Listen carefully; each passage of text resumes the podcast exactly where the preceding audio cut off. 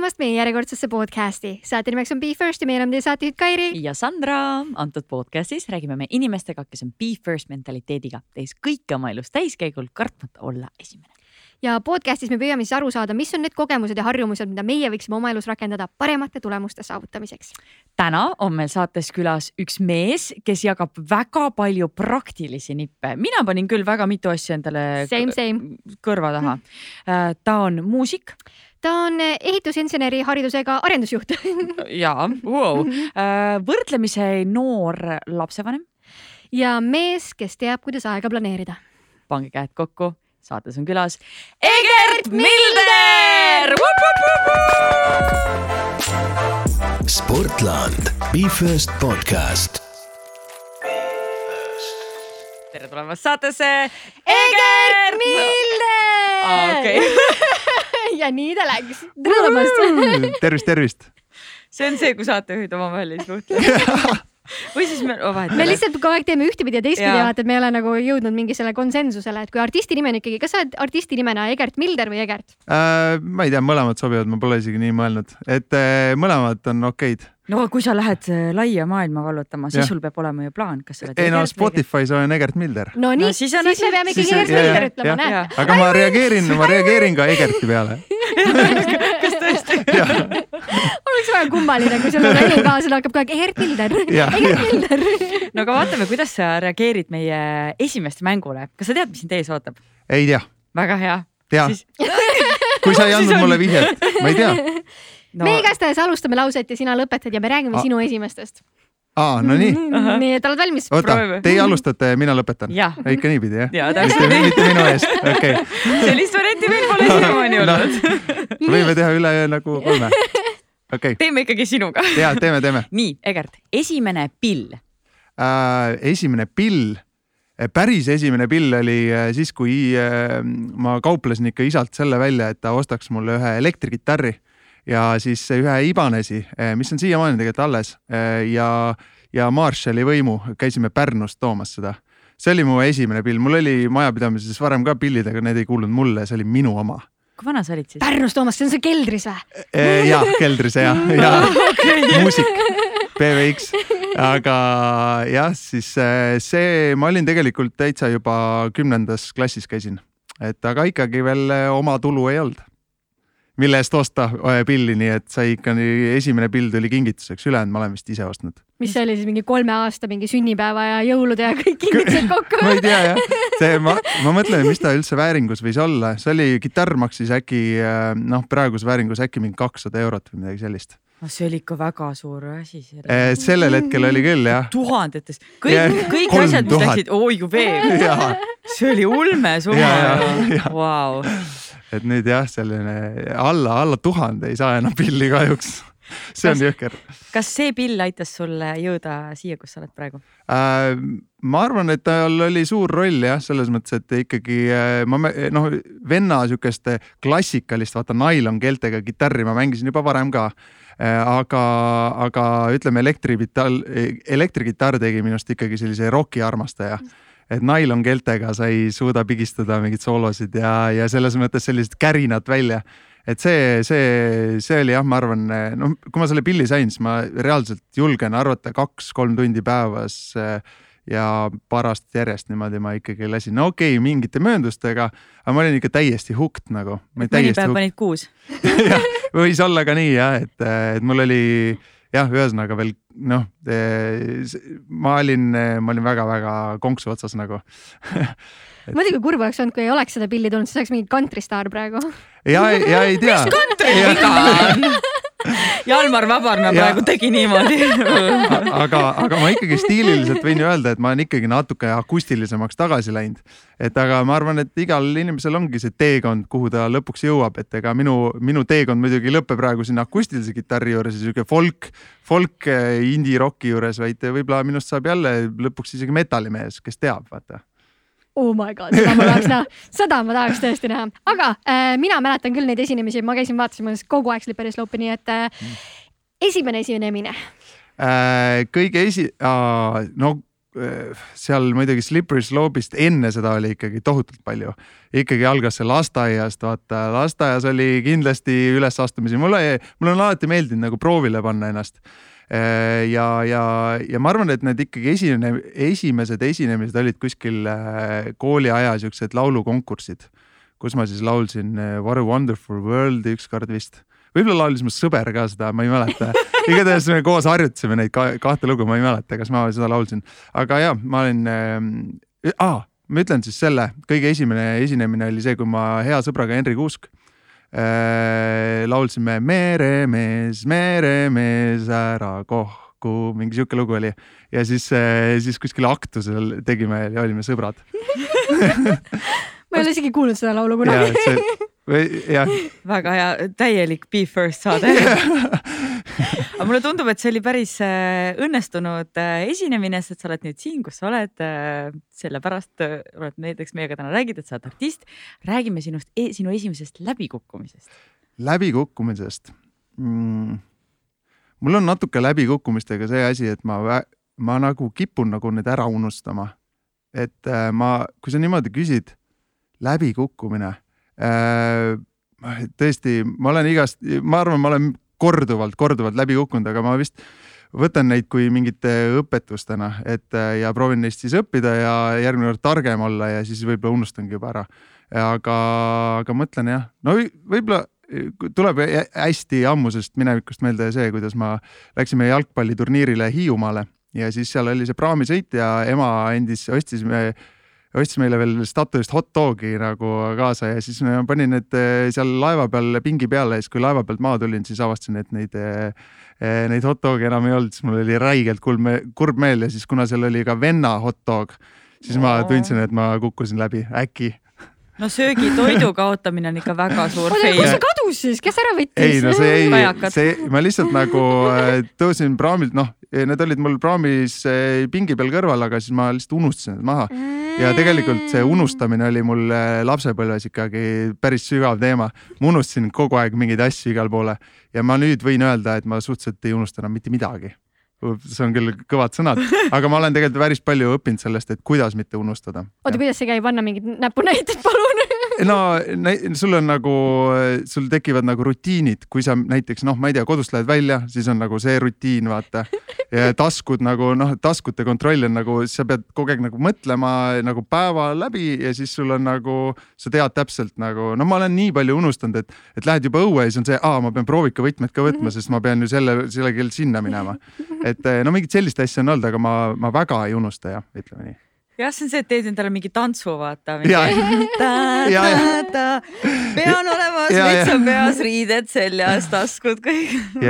sa sobid väga hästi mingit lastevideot tegema lihtsalt. ma mäletan, kunagi tegime mingit kätepesutantsu, siis oli ka nagu Holy mingi, mingi kampaania oli, pidi, pidi. ma olen vist Tiigi mingit hambapesutantsu. see töötab väga hästi, pidi töötama ma, ma tean, mul beebimamad kõik panevad selle ja. peale niimoodi. no kunagi oli ju Kopra onu, said eh, vaata kleepida neid äh, hambapesupäevi, vaata. mäletate, ei mäleta? me oleme nii palju vanemad kui sina. ei ole, ma arvan, et see oli samal ajal, see oli samal ajal, ma arvan.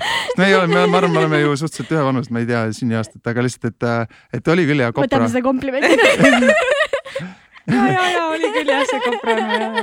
mul olid ema, isa kõrval, kes olid nii, et kui sa nüüd ei pese, siis. ja, jah ja ma ei tahtnud lihtsalt eh, Kopra, Kopra onu eh, alt vedada, ma mäletan, see oli ka mingi teises klassis vist oli see suur, suur kampaania, aga ma arvan, et Stig praegu ruulibki umbes sarnase asjaga nii, aga ma panin Kopra onu siia endale kirja mälestuseks forever and ever, vaatan järgi pärast, mis asi ta on, aga võtan siit ka kohe järgmise esimeste mängu küsimuse. esimene reis üksinda. esimene reis üksinda äh,. ma läksin, mul, ma olin sõjaväes ja pärast sõjaväge mul oli vaja see, et kohe nagu Google'i minna, sest ma teadsin, et või, või ma kartsin seda, et kui eh, sõjavägi oli suhteliselt nagu kurnav, et siis tuleb see suvi peale ja siis sa tahad nagu vedeleda ainult. ja siis, eh, siis mina arvasin, et ma peaks kohe book ima endale kuhugile reisi ja minema ja siis, eh, siis mul elas nagu vend elas Austraalias, aga see trip oli mul nagu sihuke, tundsin, et see oli, reisisin üksinda, ma läksin Singapuri siis ma olin Singapuris lennujaamas kakskümmend kolm tundi, kakskümmend kolm tundi ja viiskümmend viis minutit, sest nii loll lennuauk oli lihtsalt wow. täpselt ja siis see lend läks edasi Palile ja siis ma olin Palil äh,, vedelesin natukene ja siis läksin alles Darwinisse, kus mu vend oli. et siis ma tundsin, et ma olin selline matkasell, üksinda käisin ja hullult äh,, hullult hästi tundsin ennast. kuidas sa ennast finantseerisid selle reisiga äh,? see oli äh,, kusjuures see oli umbes niimoodi et äh, mul ikkagi noh, natukene oli, ma olin ikkagi tööd teinud ka, ma olin äh, olen mitmeid aastaid olnud äh, kelner erinevates restoranides. Ja siis mul oli ikkagi taskuraha olemas, aga ma mäletan seda, et kui ma nagu Austraaliasse läksin, tegin need kulutused ära, eks, jõudsin sinna, ma sain suht kiiresti nagu tööd tegema hakata ja siis, siis ma töötasin seal nagu neli kuud, siis läksime veel vennaga Filipiinidele, olime nädal aega Filipiinidel ja siis ma ostsin veel Singapurist endale läpaka, sest seal oli nagu odavad MacBookid, no mingi ilma käibemaksuta ja nii edasi. Ja siis, äh, siis.... ma loodan, et sa deklareerisid, kui sa tagasi tulid. ja, ja muidugi. Ja, ja, et äh, ja kõik sai korda, et aga, aga ja, et siis, äh, siis ma mäletan, et ma tulin tagasi. see jutu point ei ole lihtsalt uhkustada, vaid see, et ma tegelikult tulin nulli et ma tegin neli kuud tööd, ma finantseerisin oma reisi ära, ma sain elatud seal ja sain isegi mälestusi, oi kui palju ja siis veel arvutiga. väga äge. see oli jah, jah, jah sa reisid praegu ka hästi palju, kas sul pigem meeldib üksi reisida või kellegagi koos äh,? alguses meeldis üksinda rohkem, aga nüüd ikkagi koos, et äh, ja nüüd, äh, nüüd meid on peres kolm, äh, et siis me hakkame nüüd kolmekesi nautima. oi, see kõige fun im väike laps lennukis, neliteist tundi aga ma arvan, selle saab ka nagu noh, see on tegelikult ikkagi ma algul mõtlesin üldse, et mis siis on, laps karjub toas onju, et kuidas sa üldse oma mõtteid koondad ma ei tea, see lihtsalt nagu niimoodi, et sa ei kuule enam seda nuttu, vaata. Ma arvan, see lennukis. see on mingi isade teema, ma ei tea, kas emad päris nagu niimoodi välja suudavad lülitada. kõik emad on praegu mm.. ahah. ega mulle tundub, et minu, minu abikaasa on ka ikkagi pigem sihuke, et noh, laps seal nutab, aga, aga kui ei ole tal päriselt nagu eh, seda eh, noh ta on hästi egoistlik praegu vaata lihtsalt, et nagu noh, näiteks me paigaldame seal mingit lampi, paigaldasime üks päev äh, lakke ja siis, siis on see, et me mõlemad on käed on lae all seal, jumala raske, vaata käed üleval, seal mingi ajad mingit kruve taga ja teed midagi, puurid seal ja siis tema nutab seal põrandal, see on see, et kurat. issand, kui egoistlik ei no lihtsalt nagu come on. Nagu- tähelepanu nagu... jaoks lihtsalt, mitte et tal midagi pahasti no, oleks, mul koer teeb kogu aeg seda lihtsalt nagu maailma lõpp tegelikult ei olnud mitte midagi. no täpselt jah. hakake nüüd mõtlema, millal te ise asju tegelikult. ei no see ongi, tulebki võtta seda, et sa tegelikult ju ise sa siis olid selline, et sul ei olegi midagi, kedagi pole süüdistada ja ma, ma olen nagu tähele pannud, et, et mul abikaasa on ka aina, aina vähem nagu eh, kuidagi mingi vererõhk tõuseb mingi lapse nutu pärast, et see on juba täitsa sihuke, et sa enam-vähem oskad nagu prognoosida, mille peale ta nutab ja, ja mis alustel, et siis see on suht lihtne ja teisega on juba jumala samm. Kuule, aga kas võib olla, et äkki mõlemad, kuna te olete artistid ja lava peal olnud, äkki te ei kuule lihtsalt? ja, ja, ja ma teen lihtsalt kuulmisega pole probleeme. ei, mul on, mul on hästi terane kuulmine ikkagi, eh, ma nagu, mul on hästi tundlik kuulmine, aga ma kuulen pigem nagu liiga hästi. et, et ma kuulen ikkagi okay. jah, see, selles ei ole asi oi kui valus võib olla lihtsalt mingeid kontserte kuulates ei no mul on tropid kõrvatropid. okei meil on kaks viimast küsimust jäänud, läheme nüüd selle minu jaoks ühe kõige põnevama küsimuse juurde. esimene piinlik hetk hmm piinlikuid hetki äh,. sellega on jah, see ähm, tahaks siia mingit head, head lugu rääkida, aga ausalt öeldes mul jälle nagu, mul nii raske meenutada piinlikke hetki. ma mäletan seda, et, äh, et ma ükskord jällegi, kui esimene, see tähendab ju ikkagi, et nagu päriselt nagu, kui ma olin mingi seitsmeaastane. ja võib-olla, mida sa mäletad, see võib olla ka see esimene, mis sul kohe pähe tuleb. ja, ja no mul tuli meelde see, kuidas ma käisin nagu, vanemad ütlesid, et too mingi moosi äh, keldrist ja meil oli eriti nagu halb sinna keldrisse minna, seal pidi mingi luugi lahti tegema ja see oli nagu eriti pain lihtsalt sinna mm -hmm. keldrisse minna. ja siis ma läksin ja siis, siis ma tõin sealt äh, vist mingi no purgi ja siis vanemad naersid mu üle, et kuule, et see on mingi aprikoosi mingi moos onju. siis ma läksin jälle keldrisse ja siis ühesõnaga ma käisin keldri vahelt vist mingi neli korda, kuniks ma selle nagu mee leidsin. Ja ma ei tea, see ei ole, ei, see ei ole, see ei ole ju piinlik hetk, aga, aga siis ma tundsin ennast, vanemad panid mind halvasti tundma ja siis ma tundsin ennast no, nii rumalana ja siis äh,. lihtsalt see... jooksutasid sind üles-alla või? no ja sellepärast, et. sa ei, sa ei teadnud, milline mesi välja näeb? no ma ei tea jah, ma seal kallutasin ja vaatasin, see vist on ja siis ma nagu ühesõnaga see on, ehm, tead, ega ma arvan, et vanemad tegid liiga mulle natuke, aga võib-olla see oli nende õppetund, vaata. et eh, kuidagi selline, et, ehm, et eh, kui ei saa, siis proovi uuesti, midagi sellist äkki hmm või siis eh, kui kellegi teise üle nalja ei ole, ei ole teha, siis tehke oma laste üle. oma laste üle ja, ja. oota, aga sul peab ikka mõni piinlik, sa oled artist, sa oled laval olnud, kindlasti midagi piinlikku juhtunud, ei ole või uh,? Piinlikku mm.. lavalt alla ei ole kukkunud? hääl ei ole ära läinud. sõnu ei ole ära unustanud? Eh, neid ikka on, noh, ütleme ega siin oli just Eesti Laul, ega tundsin ka väikest piinlikkust, et me nagu natuke pidin liiga palju võitlema adrenaliin, sest see Eesti Laulu lavale lähed, vaata, see on hästi suur nagu auditoorium, kes sind vaatab ja see adreka pauk, mis sinu sisse tuleb, see on nagu sekundite küsimus see on sihuke, et nagu oled kõik oh,, ma olen nii valmis, siis järsku on siuke Egert Miller, free again. La, lava väriseb ka seal, vaata, seal on mingid subwoofrid all veel ja siis, eh, siis oled sihuke, et ja siis on nagu sihuke, sa lähed nagu, tahad nagu pooleks minna selle lava peal. et siis äh, mina olen muidugi, ma tunnen ennast nagu alati äh, äh, noh, mõnes mõttes võib-olla kardan rohkem kui teised ka, mul pole nii palju võib-olla sihukest sellist kogemust nagu mingitel superstaari lauljatel niimoodi. aga ja piinlik hetk oli see, kui me panime esimese loo, panime Rada seitsmesse ühe, ühe bändiga ja siis, äh, siis öeldi selle kohta, et kuule, et äh, jube hea lugu, äh, aga laulja võiks kuuli pähe lasta ja siis ma arvan, et sealt mul tuli see nagu see kartus veits, et ma nagu ei julge avalikult laulda võib-olla. aga, aga, aga see on jällegi, ma, see on õppetunnid, jah. aga kuidas sa üle said sellest? ma ei tea, kas ma olen tänaseni tegelikult üle saanud sellest Sellel... kes see oli? kes see oli, kes ja. rikkus Egert Milderi ära? Ja, ja ei, aga see on, see on jällegi, et eh, ma, ma nagu võtan neid kui jällegi selliseid asju, et vaata, kui keegi niimoodi ütleb, siis sa tegelikult tahad ju teha, et tal ei ole õigus, vaata mm. -hmm. ja siis sa näedki nii palju vaeva, et, et tal ei oleks õigus et eh, kes iganes see oli, see on suva ka, et eh, ma arvan, et tuleb isegi tänulik olla, sest võib-olla see pani nagu siukse, ma ma olen võistlushimuline inimene ja, ja, ja kui keegi arvab midagi, siis ma tahan teha nii, et tal oleks, et tal ei oleks õigus, kui ta arvab valesti samas nagu see on sihuke kriitika, mis ei ole kriitika, see on lihtsalt ärapanemine, et nagu anna konstruktiivset kriitikat, et mida yeah. sa oleks võinud siis teistmoodi teha, et see on lihtsalt mingi nõmetsemine, palun vabandust. ja, aga noh, see oli, see oli ikkagi lõpuks oli see piinlik hetk ikkagi mu bändikaaslaste ees natukene, sest ega, ega me, ega ma rohkem lugusid nende bändiga ei teinud ka mis bänd see oli? Eh, see oli üks Playground, see oli mingi siukene muusika, muusikakeskkooli inimeste siuke bänd ja minu arust pärast mind läks sinna Valter laulma hmm nii et,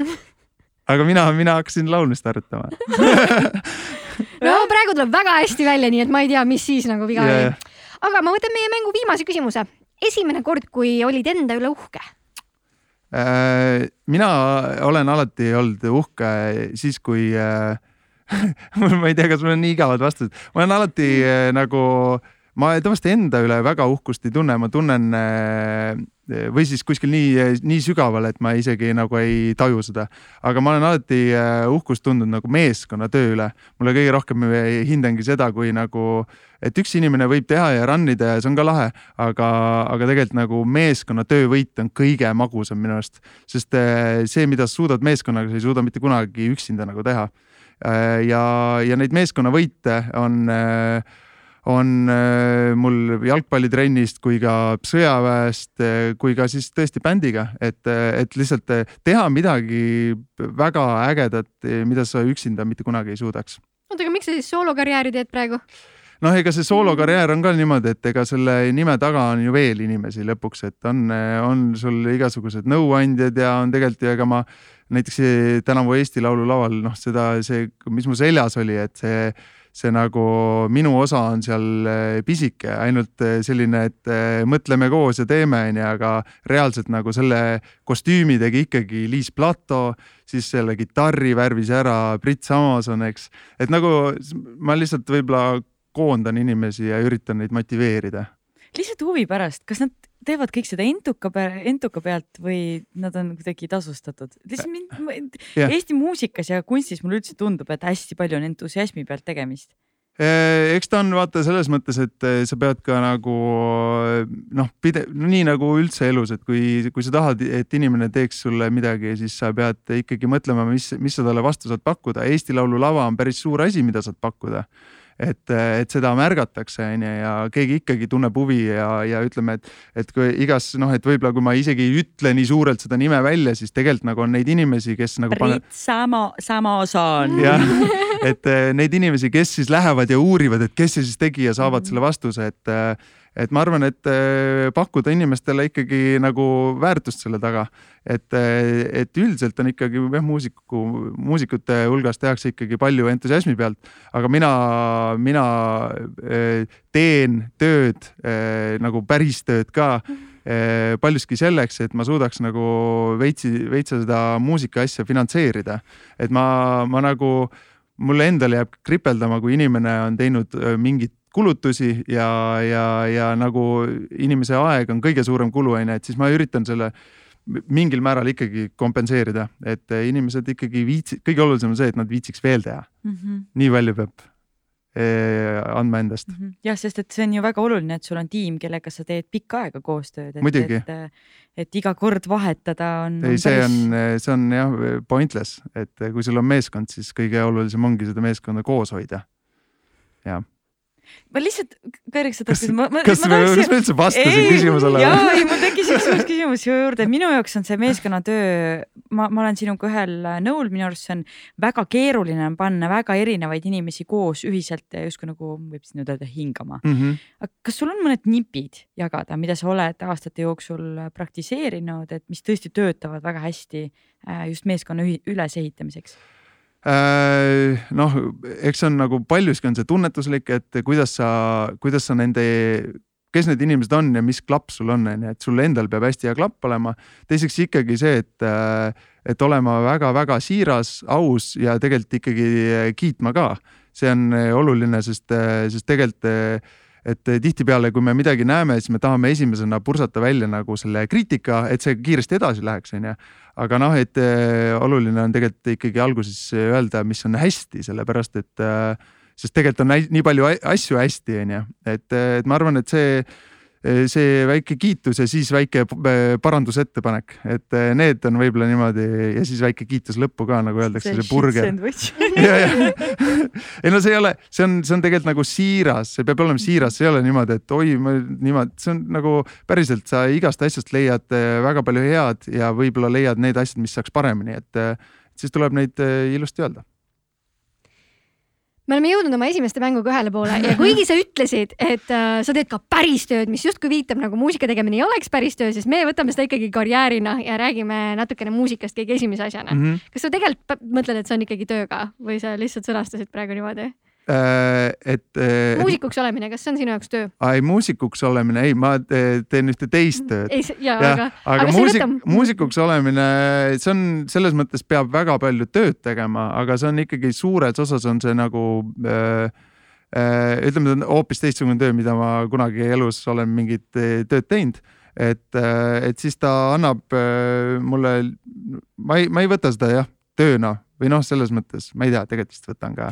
tegelikult on päris palju tööd, tuleb iga asja nii-öelda ja et, et see, see nagu sihuke fun'i, fun'i sa saadki nagu võib-olla kümnendik tegelikult on see, et aga see fun on lihtsalt selline fun, mida sa kuskilt mujalt ei saa, et siis see töö on seda väärt et, et jah, sa pead, pead ikkagi tegelikult räigelt tegema, jah. aga ma lihtsalt täpsustuseks küsin, Kairi, kas sa mõtlesid nagu töö on see, mille eest sa said palka ja raha ja, ja justkui nagu muusikuamet on see, mis on nagu väga palju tööd nõudev hobi.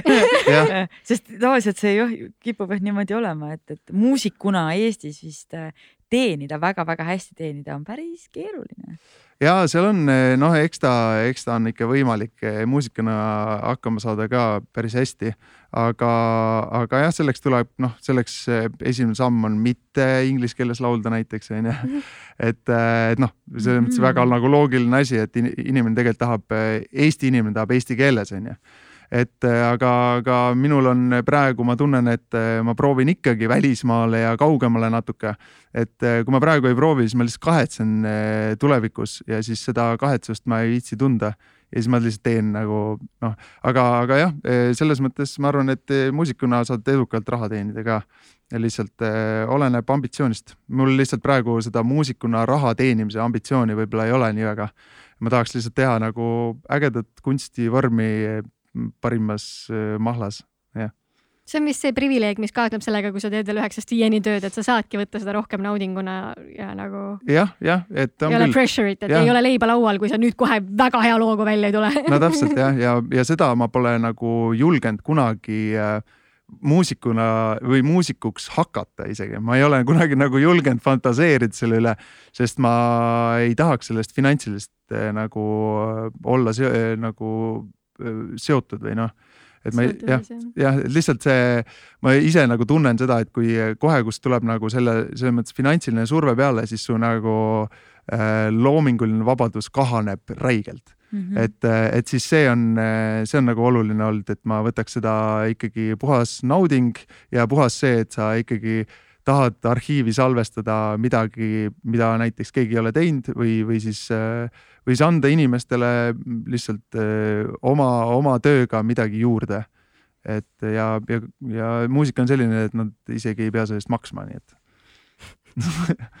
aga no tavainimene ikkagi, tavainimene teab sind ikkagi muusikuna, et väga vähesed on süvenenud sellesse, mis su päris töö on, nii et räägime natukene sellest muusika osast, et millal sa ise tundsid, et sa oled äh, artist, et sa oled kogu aeg olnud ümbritsetud, on ju, pillidest ja laulnud, on ju, lapsena ka, aga millal sa ise tundsid, et oh, nüüd ma olen nagu muusik ikkagi?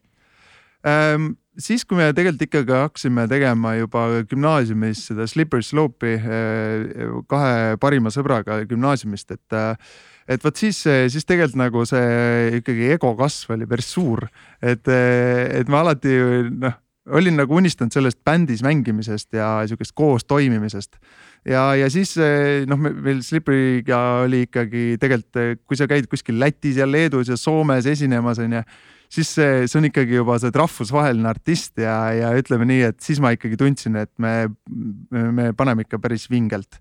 Et tegelikult oli, oli meil Lätis ja Leedus ikkagi väga korralik fänn, fännbase, et kui me ikkagi esinesime seal, siis see, nagu alla saja inimesi ei olnud, et, et ikkagi jah, see oli, see oli nagu mõnus, et meil siuksed fännid olid no jõuete, jess! siis ma tundsin, jah. aga bändi tegemine teadupoolest ei ole eriti lihtne, et äh, mis see periood sulle muusikuna õpetas kõige rohkem? Äh, ta ei ole jah lihtne selles mõttes, et, et äh, kui kasvavad bändiliikmete egod kogu aeg, et siis sa pead kogu aeg leidma seda nagu jah, seda tasakaalu seal, et see tegelikult jällegi, et, et ma arvan, et bänd kõi, pani aluse minu nagu meeskonna äh, meeskonnana mõtlemisele nagu noh, et kuidas me tervikuna teeksime midagi ägedamalt. et eh, selle, seda ma õppisin ja ikkagi eh, vana hea suhtlemisoskus, et nagu, et eh, tõesti, et see et sa ei saa öelda oma bassi peale, et kuule, et see lihtsalt riff ei sobi siia onju, et sa pead ikkagi sa nagu, ja sa saad, aga siis te lähete kiirelt laiali, et sa pead ikkagi nagu niimoodi minema sealt ja siis niimoodi puudutama ja siis vaatama, kus see nagu vererõhk veits tõuseb, kus see langeb et no ühesõnaga, see on paras tunnetamine ja seda ma õppisin sealt, jah. aga praegu sa, nagu me enne puudutasime, oled äh, sooloartist, millest siis ikkagi selline otsus? Äh, see oli see, et ma noh, tegime bändi hetkeni, kuni ma läksin aastal kaks tuhat kuusteist läksin Gruusiasse elama ja siis äh, see oli ka juba noh, ma tundsin, et tegelikult tahaks lihtsalt vaheldust, tahaks ja mulle tuli äge pakkumine ja siis siis seal Gruusias mul oli ikkagi selline, et õhtud on vabad ja siis teed muusikat, aga samas nagu kui sa na, eh, kui varem tegid lugusid eh, bändiga prooviruumis, kus oli sihuke nagu maskuliinne energia onju, siis, eh, siis kui sa üksinda oled kuskil Gruusia mingi korteris ja, ja jood mingit punast veini ka veel ja, ja siis, siis sul ei tule nagu selline, et nüüd teeks jõhkrat rokki onju.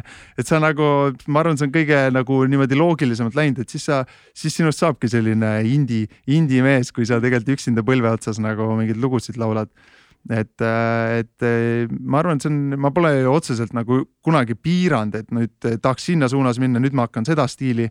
see on lihtsalt niimoodi on see stiil minuni tulnud ja, ja need muusikalised eeskujud äh, samamoodi äh, muutusid selle Gruusia ajaga.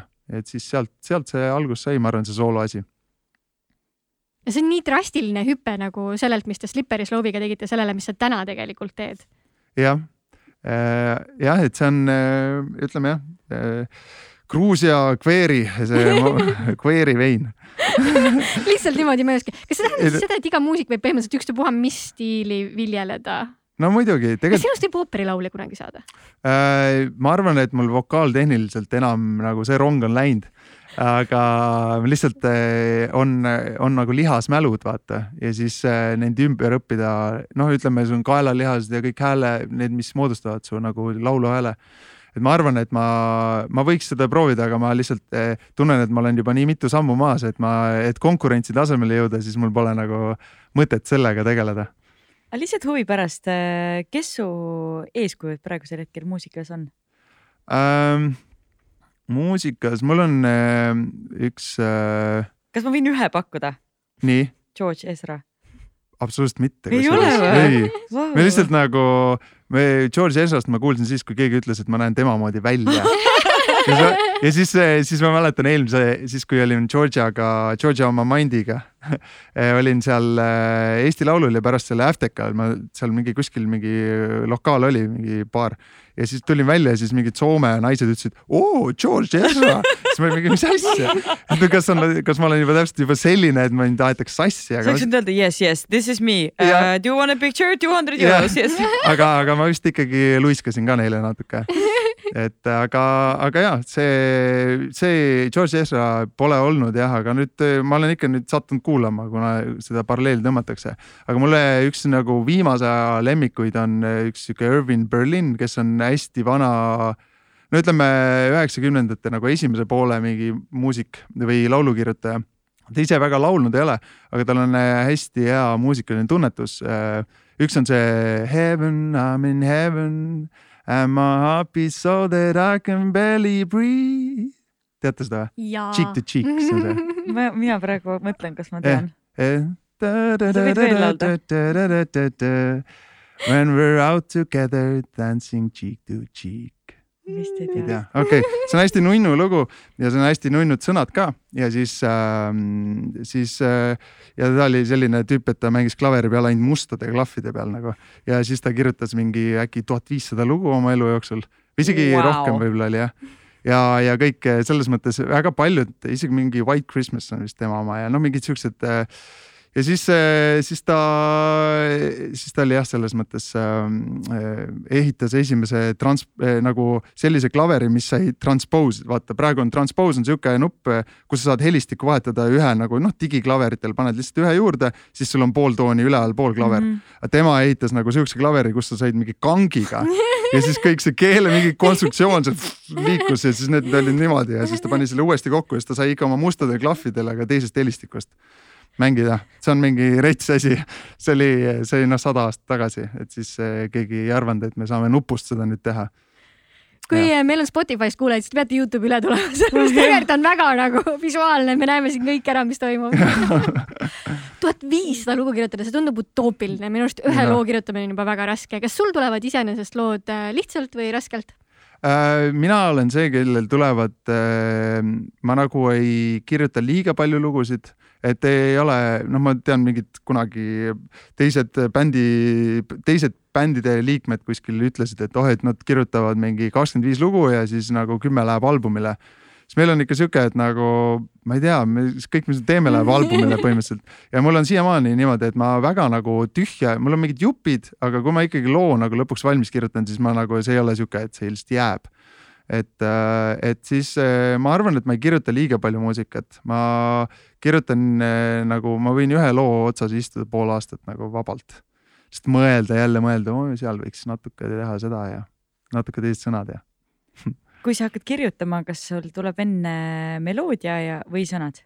Äh, kõigepealt tuleb ikkagi kitarrikäik, sihuke harmoonia, mis äh, mul ongi äh, hea oli, et ma kunagi kitarri hakkasin mängima, sest, sest ikkagi äh, kitarr on see, mis inspireerib.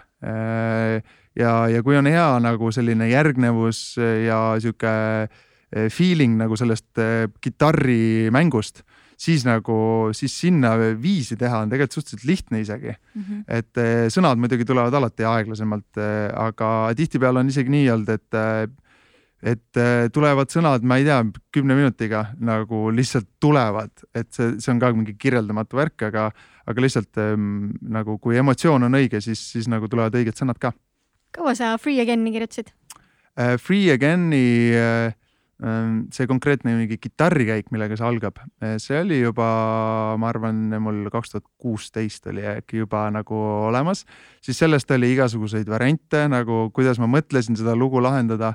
aga päris nagu viimase variandi juurde me jõudsime noh, harmoonia oli tegelikult ikkagi suhteliselt täi-, noh, suhteliselt paigas, kuniks me saime stuudios kokku Kaspar Kalluste ja Matteo Caprioliga. ja siis äh, siis meil nagu, siis meil läks, ma arvan, päev läks selleks, et see valmis teha nagu. et, et jah, see on jällegi, et kui stuudios inimestega kokku saada, siis sa pead nagu kohe inspiratsiooni pakkuma kõigile ruumis ja, ja siis ma arvan, seda see lugu oli ja sellepärast ka nii hea võib-olla tuli. aga sa oled nüüd teist aastat äh, Eesti Laulul. mis sind sinna on nii ja mõtlesin, et sealt tuli. kas sa oled veel kunagi käinud mis kostüümis sa käisid mis sind sinna päriselt tõmbab, et miks sa sinna lähed? Mm,? Äh, see, et sa ikkagi ähm, no, esiteks on ikkagi kõige parem väljund Eestis, äh, kus oma muusikat rahvale tutvustada, et see saab ikkagi kõige rohkem tähelepanu. Ja, ja see see nagu ähm, see pingutus, äh, nagu see läbimõtlemine, kuidas seal laval olla, see visualiseerimine selles mõttes see, mis, see, mis poolfinaalis sai tehtud, noh, see on mu peas ikkagi olnud kolm kuud nagu mõelnud, et okei okay,, nüüd ma liigutan ennast võib-olla niimoodi ja nüüd ma teen seda ja tegelikult nagu kaamera võiks niimoodi liikuda ja siis võiks pimedaks minna ja siis võiks mingi need tulla ja siis võiks sadama hakata, no see on nagu ma olen kogu aeg mõelnud selle peale. Et siis see, siis see nagu sihuke nagu äh, kujutlusvõime realiseerumine, see on lihtsalt räigelt kaif tunne. Et äh, räigelt olen ma ikka juba mitu korda siin podcast'is öelnud ma vahetan nüüd seda sõnavara, aga, aga jah, et see e, lihtsalt Eesti inimestele tutvustada, noh, ta on mingi teistsugune kunstivorm e, selles mõttes, et e, ma nagu ise ei kujutaks ette, et ma lähen sinna lavale peale ja siis laulan selle ühe koha peal ära, noh, lihtsalt pole nagu minu, minu stiil. ma tahaks ikkagi ennast proovile panna, et seal on ka füüsiline vaata, et kuidas sa seal tantsid ja jooksed ringi ja siis sa pead ju laulma edasi ja noh, kõik see siis ma teen trenni selle tõttu, et ma saaks laval hakkama ja siis ma käin laulutunnis, et ma saaks paremini laulda ja, ja nii edasi, et see lihtsalt, ta on selline märk, mille poole siht, mille poole rügada ja siis, siis see, siis see kutsub mind tagasi, aga ma see aasta see võttis nii palju energiat, et ma ei usu küll, et ma järgmine aasta jaksan seda teha mul on kogu aeg tundunud, et võib-olla nüüd Eesti Lauluga on see rohkem või paremaks läinud, aga vanasti inimesed ei tahtnud väga Eurovisioonile minna, et sellel ei olnud nagu siukest kunstilist maiku juures, et oli ikkagi show. kas sa ise tahad Eurovisioonile reaalselt minna? see Eesti või Eurovisioon on tegelikult päris palju muutunud mm -hmm. nagu, et seal, seal nii ägedad artistid tegelikult juba nagu võidutsevad, eks. Et siis äh, ütleme nii, et see aasta mul on nagu päriselt selline tunne, et ma tahaks minna. Mm.. see aasta on nagu esimest korda, et ma päriselt tahaks minna. et äh, see lugu ja see asi, noh, ta on nagu sihuke täna äh, nagu täpselt selline, mis sobib nagu kõikidele Euroopa inimestele et, äh, et Georgia noh, ei sobinud, on ju, noh, selles mõttes, et nagu kõigi hinges ei ole Georgia on ju ja, ja üldse ameeriklased arvasid, et kuule, mingi Eesti poiss laulab mingist osariigist. osariigist on ju, et kuule mine, ära nagu noh, et siis. Aga Georgia nagu... võib olla ka inimese nimi. no äkki see saab kuidagi ümber, ümber e, nagu. nojaa, aga noh, minul, mina tegin loo lihtsalt sellest, et ma tõesti igatsesin -huh. Gruusiast ja, ja ma teadsin, et tegelikult neid inimesi, kes siin on, igatsevad Gruusiat, neid on veel ja siis teeme nagu siuksele pundile siukse hea mälestusloo, aga, aga nüüd see Free Again, ma arvan, see on selline ikkagi siit Põhja-Soomest nagu kuskile Gibraltarini välja võiks vabalt toimida, jah. pandeemia ajal, jaa, palun Free Again lihtsalt no,. aga mida see sinu jaoks see lugu tähendab? aga jah, Free Again räägib äh, sellisest äh, lapselikust nagu vabadustundest, mida tegelikult äh, nüüd täiskasvanuna me väga tagasi ei saa ja see ongi niisugune nagu igatsus. et praegu me oleme ka nagu siukses, elame kerges nagu ängis ja, oleme nagu üksteisest kuskil eemale rebitud. Et siis see siis see on see, see vabadus nagu lapsena sai, ma ei tea, aasa peal joostud ja, ja mingi pori sees möllatud ja teha igast crazy sid asju. et seda vabadust me enam nagu sellisel kujul tagasi ei saa, aga vähemalt me saame nagu unistada sellest. mis mõttes pori sees võib vabalt yeah.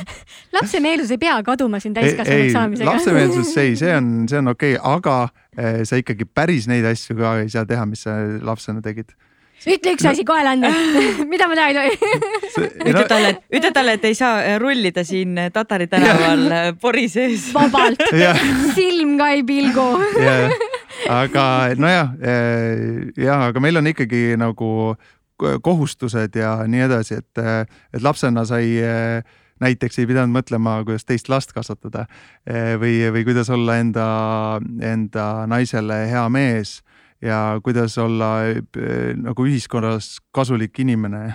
et, et neid asju, mida sa, mis on tegelikult nagu mingil määral ikkagi koorem selles mõttes et äh, ma arvan, see on see, mida tahad lihtsalt vabana ennast tunda nagu kohustustest.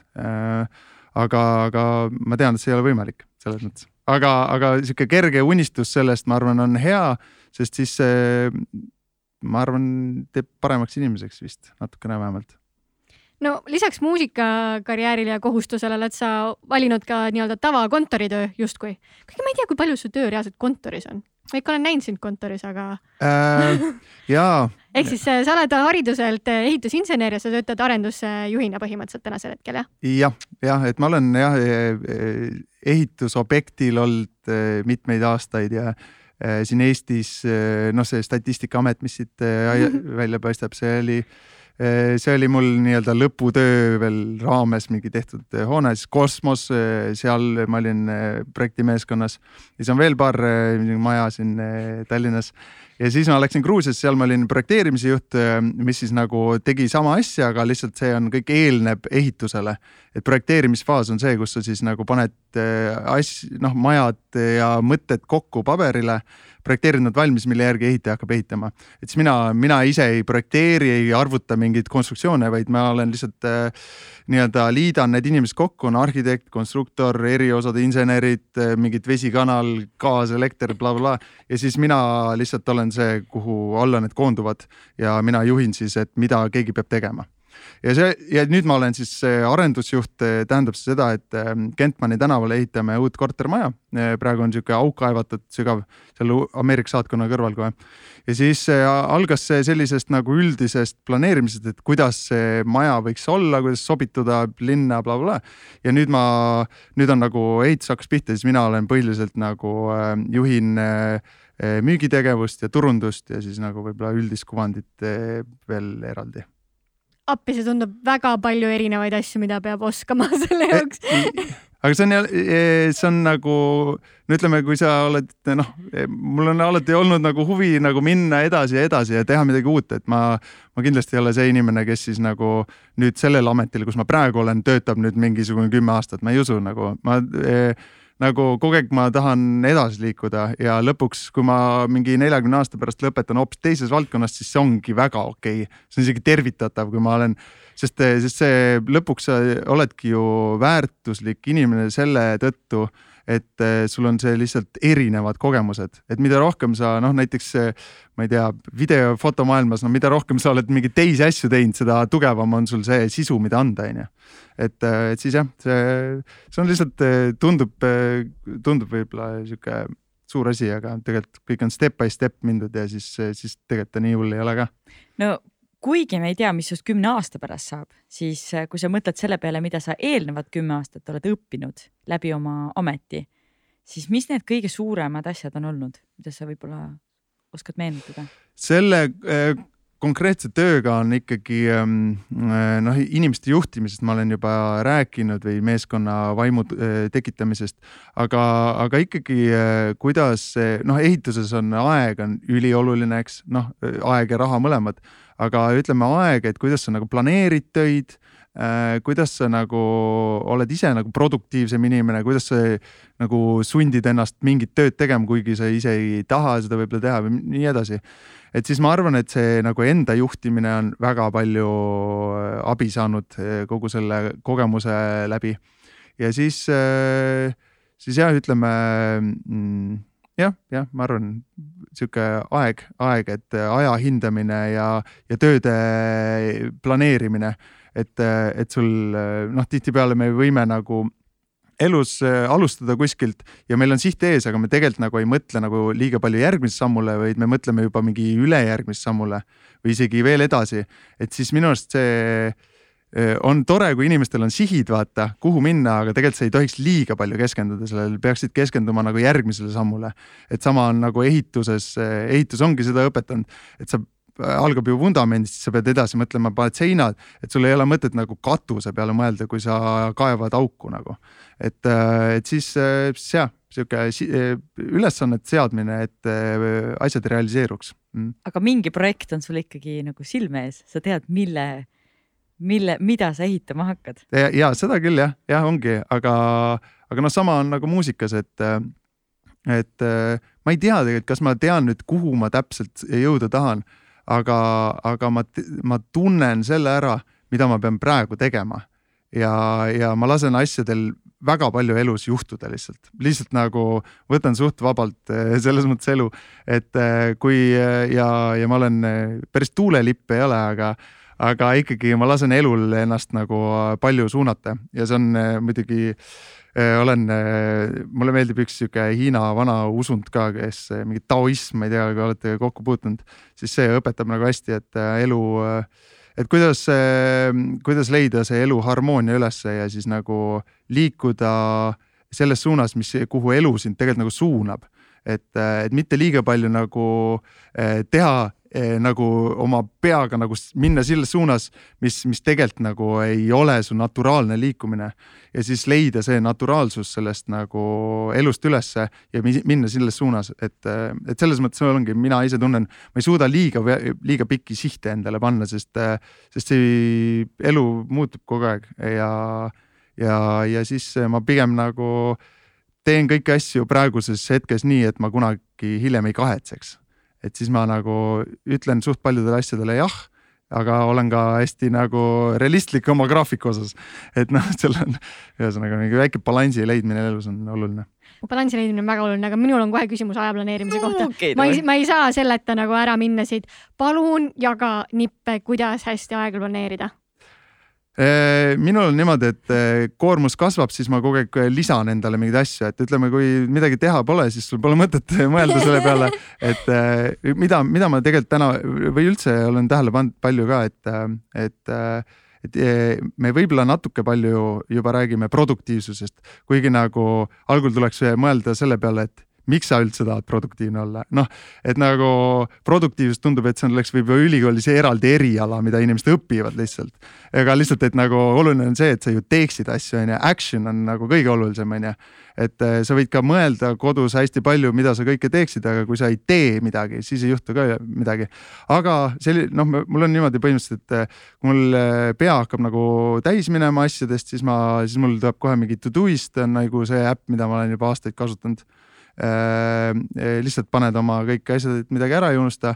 Evernote on äh, see, mida ma kasutan nagu sihukeste pikemate mõtete nagu kirjapanekuks ja ma iga hommik pean ka sihukest hommikuplogi põhimõtteliselt, et äh, ka nagu selgust ellu saada ja siis, kui, kui enam to do, to do'ist on nagu nii paksult täis, et ma ei suuda enam nagu hoomata, mis seal on, siis ma teen nagu, see on sihuke time boxing, et ma teen kal-, noh, kalendrit ma kasutan nii või naa, aga siis ma panen ikkagi see, et tegelikult nüüd sa kaheteistkümnest üheni teed seda task'i onju siis noh, suht masinlikuks läheb lõpuks, aga siis sa vähemalt ei ole stressis.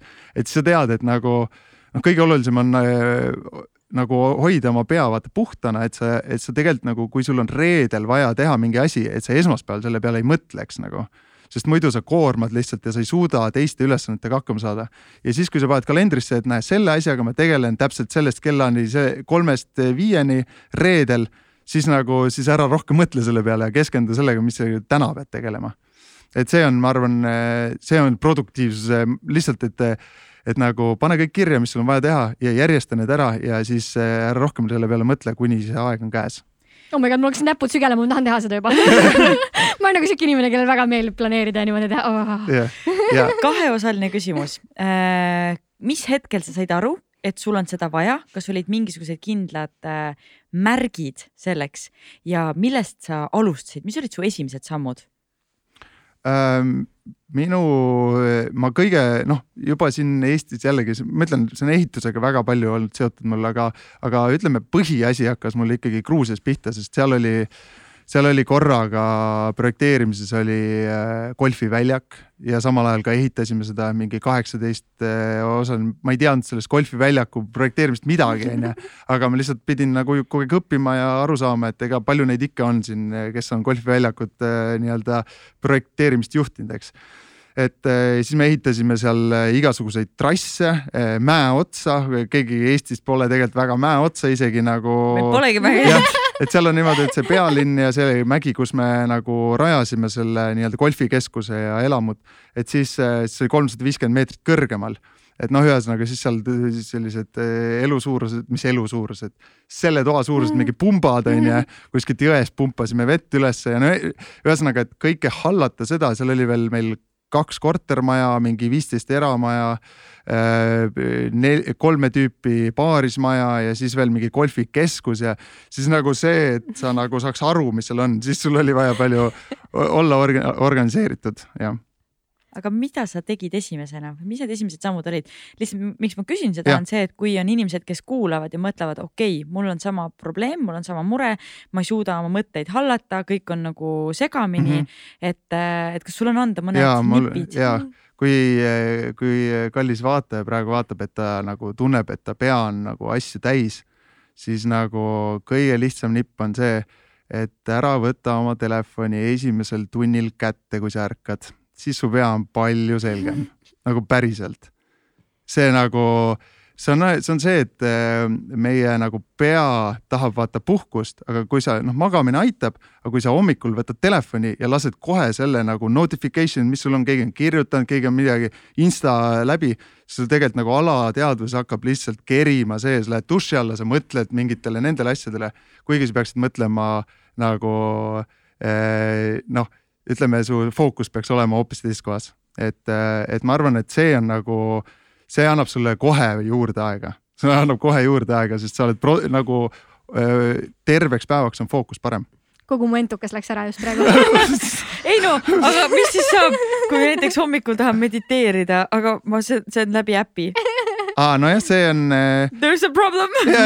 kõik notification'id kinni, siis miski muu ei sega sind. ei, minul on kõik notification'id. aga kui sa, ei noh, selles mõttes, kui sa oled distsiplineeritud ja avad äh, telefoni ja lähed ainult sinna, ega siis pole midagi, aga noh ikkagi mina, mina ka ikkagi siis, kui, siis kui ei, äh, elu ei ole liiga kiire, siis võtad ka hommikul telefoni kätte ja scroll'id onju, aga siis sa tead seda, et sa ei peagi olema mingi äh, produktiivne. aga kui sa, kui sa pead olema, siis, siis, siis nagu äh, eira seda telefoni nagu üldse nii palju eira, kui sa saad, tegelikult see võtab noh, kasvõi ma vaatasin eelmine nädal, see on mingi kriminaalne, kui palju ma olin Instagramis, aga noh, see oli see, et ma vastasin seal mm, -hmm. mingid inimesed kirjutasid, postitasid midagi, story sid, aga ütleme nagu see on selline no, ajakõll äh,. eelmise nädala peale kokku vist mingi üle üheteist tunni. nagu ma ei tea, kas see on, mis, kas kas, kas on palju või mitte? mul on päevas screen time kümme tundi, ma ei tea no, okay. aga lihtsalt, mida sa suudad üheteist tunniga ära teha nagu? no, no minu valus vabandus on see, et kaheksa tundi sellest on töö onju. no ja täpselt, ei no see ongi, see ongi jah, selles mõttes, et minu. olgem ausad, see on lihtsalt vabandus. et, et noh, mina ka vabandan välja, aga lõpuks see Instagram on ikka, see algoritm on lihtsalt nii tugev. sa ei ole Tiktokis käinud jah ei ole vist jah see on kordades hullem. on jah, et selles It's mõttes. oh my god et selles mõttes. see on nagu Pinterest. et see on, see on veider jah, ma, ma ikkagi noh, üritan ennast väga palju dista- või no nagu väikselt eemalt jälgida, onju. siis jälle nagu oled selline, et korraks on niimoodi viis minutit nagu black out'i vaata ja siis oled jälle seal feed'is, see on see, kurat, kuidas ta jälle kätte sai mind. et see on nagu nii jõker, et aga noh, see, see, see ei ole, see ei ole saladus, et nad teavad paljust meist palju rohkem ja teavad paremini, mida meie mõtleme et, et siis, siis on eh, kergem nagu suunata väga head eh, sellist, sellist sisu, mis, mis sa tead, et sa ei saa sealt nagu lahti mm. -hmm aga üks asi, mida ei saa eirata ja mida sa kohe kindlasti kodus olles ka ei saa eirata, on see, et sul on väike laps. ja, ja, sa oled isa. räägi, kuidas see isa roll on sind äh, mõjutanud äh,? ütleme, minule on ta andnud ikkagi mingi rahu et äh, kõlab nii vastuoluliselt, aga lihtsalt, et äh,, et ma olen tegelikult äh, tahtnud isaks saada juba, ma arvan siis, kui ma olin mingi kaheksateist millegipärast. mul oli kogu aeg siuke tunne, et tahaks täiega nagu last saada, tahaks täiega nagu ma ei tea, olla isa ja siis äh, siis, äh, siis kui ta nagu saabus, siis see oli äh, noh, ütleme ei ole, ei ole paremat asja maailmas ja mul on selline asi, selline tunne, et, et ähm, ma sain jälle nagu uuesti ise ka veits äh, uue elu, vaata. et ma, ma millegipärast äh, nagu tunnen, et ma täiega tahaks mingit jälle mingit matemaatikat veits õppida koolis Eh, no lihtsalt nagu tahaks tütrele õpetada matemaatikat selles mõttes õigemini, aga, aga tahaks täiega, ma ei tea, tegelikult mingit bioloogiaraamatut ka sirvida ja tahaks neid nagu, mul on veits nagu kooliajast nagu halb tunne, et ma võib-olla ei viitsinud liiga palju õppida, et nüüd ma tahaks rohkem ja siis ma lihtsalt tunnen, et eluring hakkas otsast peale ja, ja see on täiega, täiega hea tunne aga kui ja. palju te üldse kasvatate nii-öelda intuitiivselt või te olete siuksed, kes loevad hästi palju raamatuid? Ei, mina pole, no mulle äh, Piret ikka aeg-ajalt lükkab neid raamatuid, kui vaatan neid harjutusi, siis ma ikkagi proovin nagu seal tihtipeale on olnud ikkagi see, et, et ma teen mingit harjutust seal, ma ei tea, umbes varvaste kätte andmist talle noh, niimoodi, et ta painutaks ennast ja ja siis, siis, siis pärast on raamatus, ma loen, et aa, et seda peab tegema nagu, et ma ei, ma ei liiga palju ei mõtle, sest tegelikult noh, see on ikkagi nagu ta on inimene ja kui sa nagu mõtled, mis tal vaja on, tal on vaja liikuda, tal ei, ta ei tohiks olla liiga mingis ühes asendis liiga pikalt, onju. ja mis tema nagu aju, kuidas ta nagu aju töötab, onju. Teil on ju Jaan Aru siin käinud, Jaan Aru kindlasti no ma olen Jaan Aru äh, seda äh, raamatut lugenud ja seal, seal ma sain nagu lapse mingi maailmast täiega hästi aru. et, et see, kui ta läheb la, la, sinna kuskile mänguväljakule siis tegelikult tema näeb ainult seda mingit ühte inimest ja võib-olla ühte astet, kuhu ta peab astuma, aga ta teist astet ta ei, ei näe enam. ta ei näe võib-olla, mis värvi see käsipuu on, sest tal ei registreeri ära, et see on roheline või mis iganes. et ta on nagu nii kahandatud ja siis sa selle läbi on minu arust eh, last õpetada nagu, sa saad aru, mis on, kus on tema tähelepanu. Ja siis eh, selle kaudu nagu õpetada, minu arust see on eh, täiega pull sul on lihtsalt praegu hea lihtne, ta on veel nii noor, siis kui ta teismeline on, vaat siis hakkad neid raamatuid otsima. ei no eks ta, eks selles mõttes ma arvan, õpet-, õppimine on igas valdkonnas on hea. et, et ega see, ma arvan ka, et paremad lapsed nagu on ikkagi sellised, kus emad ikkagi ja isad viitsivad nagu vaeva näha ja õpetada nagu päris asju, onju, et ma arvan, see aeg alles tuleb jah, selles mõttes, et kuidas, kuidas seal kompromisse leida kodus ja, ja kuidas teha nii, et ta ikkagi oleks, ma ei tea, äh, huvitatud äh, elu üldisemalt, äh, elu vastu. et miks on, ma ei tea, taim roheline ja miks on ikkagi päike ja kuidas see meie ümber käib, et, et kui tal sellised küsimused tulevad, siis, siis ma olen juba päris hästi teinud. kas see ei ole mitte mingi vanus, kus nad on kõige peale nagu issi, miks see nii on, issi, miks see nii on, issi, miks see nii on. vaata, tule, tuleta endale meelde pärast ja, seda podcast'i. kui on mingi viiesajas küsimus päevas. ei, see on, see on ja, ja ma mäletan, mul väike vend käis käis duši all, siis oli nagu duši alt tuli, siis oota, kust see soe vesi ikka tuli, siis isa läks selle boileri juurde mingi. näe, siin on soe vesi, siin on see, mis soojendab seda ja see oli nagu iga kord duši alt tulles nagu. mina olin nii uhke, kui ma oma õelapsele õpetasin ära, et alati, kui sa ei tea, sa pead küsima, miks. aga mu õde ja mu õemees on suht leilis selle pärast, sest et nemad ju temaga kogu aeg koos, mina nende aeg-ajalt, siis mina hea meelega vastan, miks ja. aga ma näen, kui palju ta küsib, Siki on lihtsalt niimoodi, et kogu aeg. Aitäh sulle, Sann. rohkem ei too, tooda sulle vastuhoidule. tuuakse, aga siis saaks öelda, et sa pead kõik küsimused ära vastama nüüd. aga sa ütlesid, et sul on palju asju, mida sa äh, tahad õppida just sellepärast, et äh, oma tütrele õpetada äh,. mida tema siiamaani sulle on õpetanud? ähm,. Um, ütleme nii, et eh, teema, noh, ei taha nagu, ütleme nii, et ega tema ju praegu väga mulle ei õpeta midagi, eks. sa võib-olla ei pane tähele. ei no selles mõttes, et mina õpin tema kaudu, et, et aga, aga ma arvan, ta aitab mul jällegi nagu elutempot maha tõmmata. sellepärast, et ütleme, kui sa keskendud ainult talle, noh mingil hetkel on nagu elus ei ole neid asju, millele sa enam nagu liiga palju nagu keskendud. siis kui sa keskendud sellele, et sa lapsega oled seal tema mängumaal ja vaatad, et kuidas ta nagu reageerib mingitele asjadele ja püüad selle nagu sügava kontakti saada, et kuidas teda naerma ajada ja nii edasi. et siis, siis äh, jah, ma arvan, ma arvan sellist nagu jälle mingi, mingit sorti nagu kohalolekut on ta õpetanud mulle. aga, aga selles mõttes äh, ta on õpetanud või andnud liiga palju juurde seda, et elu on lihtsalt täiega fun. nagu tema elu on täiega fun ja selle tõttu on meie elu ka nagu palju fun im. et isegi kui ta nutab ja teeb seal, siis, siis kui ta naeratab, see on ikka sihuke, et oh god. kas seda saab olla liiga palju? ei no tegelikult ei saa, aga lihtsalt äh, see on nii äge tunne, see on nii äge tunne, kuidas ta nagu rõõmustab, nagu tal on kõige sii-, ta on kõige siiram inimene, vaata, keda ma tean, noh, selles mõttes, et tal pole üldse mingeid blokke. ta nagu, kui ta tahab midagi, siis ta tahab ja kui tal on lõbus, siis tal on täiega lõbus, tal ei ole see, et ta lihtsalt naeratab, sest ta on viisakas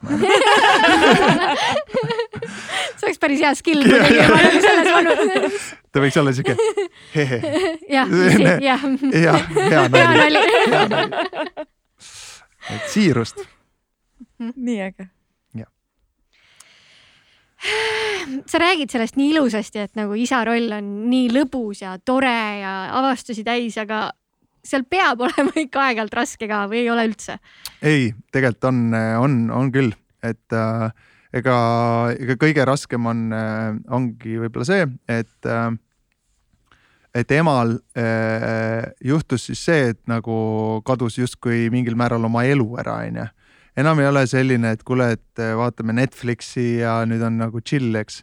siis äh,, siis seda enam ei ole üldse ja siis, siis see nagu selline, kuidas seal koduses keskkonnas hoida niimoodi ikkagi, et et, et ei läheks nagu kuidagi liiga teravaks see asi seal, et äh, praegu see nii-öelda ajakaotus, naise, naise ajakaotus peamiselt, sest no ütleme, mina võin temaga seal tund aega mängida, onju, aga siis ta tahab ikkagi süüa või ta tahab mingeid siukseid nagu noh, tegelikult süüa ongi põhiline onju. Ja magama ka, no mina ei, mina ei saa veel teda nagu magama ise et äh, võib-olla, võib-olla mul on lihtsalt kannatust vähe, aga, aga ikkagi äh, siis, kui ta sööb, siis ta ka kohe jääb magama, et see on kahjuks selline rutiin, kõik pahandavad, ma tean, ei tohi, ei tohi dissiga magama jääda, aga no nii edasi, me teeme nii kahjuks. lihtsam nagu, kas ta jääb kümne minutiga magama või ta jääb kaks tundi magama nagu, see on nagu, ma ei tea. no mingi hetk tuleb see ikka ära teha ju, ega ta elu lõpuni dissi otsas ei no ja, ole. ja, aga siis nagu hard cut nagu selles mõttes, siis ei saa piima ka enam.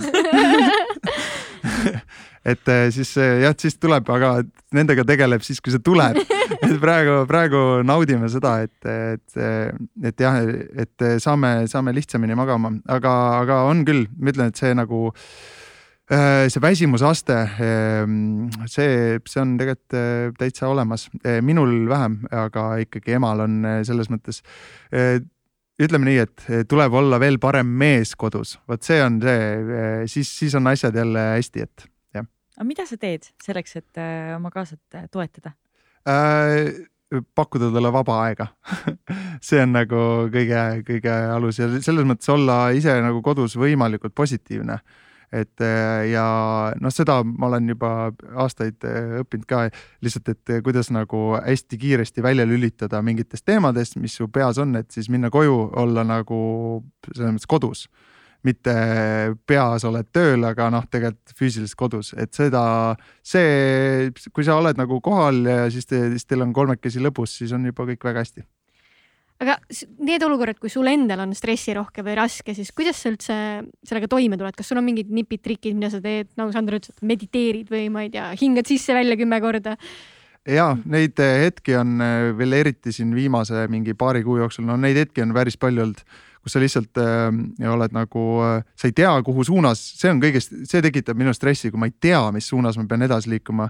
või umbes noh, näiteks seesama Eesti Laulu lavashow, et ma, ma, ma lähen sinna ette poodiumi peale, aga ma ei tea, mis ma seal tegema pean, mis ma teen, onju, miks, miks ma sinna lähen nagu, otsid seda motiivi nagu, et ja siis, siis sa nagu ei leia, ei leia seda ja siis mõtled mingeid alternatiive ja siis need ei tundu head ja see tekitab minus räiget stressi.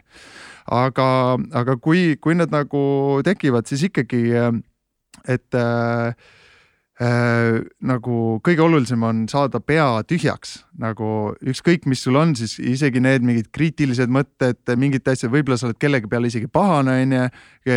kellegiga, kellega sa oled eriarvamusel olnud nädal aega, mis iganes, mingi tööalaselt või niimoodi. et siis, siis nagu kirjuta kõik ülesse nagu võimalikult palju kirjuta ülesse, siis sa saad nagu, siis muutub selgemaks. sest tegelikult nagu see, kui need mustad pilved nagu peale kohale tulevad, et äh, sul äh, sa minu arust ei, no raske on sealt välja tulla, kui sa nagu ei kirjuta, ma ei tea, mul on, mul on täiega see, et, et kõik paberile ja siis sa saad aru, et kuule, tegelikult see ei ole üldse nii suur probleem ja see on ka mingi nii üle dramatiseeritud ja siis kõik see to do, mis mul on teha, et tegelikult see ei ole üldse nii palju teha, onju. hakkad otsast pihta ja tegelikult saadki tehtud mingi, vahel on mingid siuksed asjad, mis sul kerivad peas mingi kolm-neli päeva ja siis võtaks, lõpuks võtad ette ja siis on see, kurat, oleks pidanud varem tegema ära, lihtsalt nii, nii kerge asi, vaata et siis see stress jah, selles mõttes äh, kirjuta välja, mis teha on ja siis, siis äh, ma arvan, see peletab ära need pilved.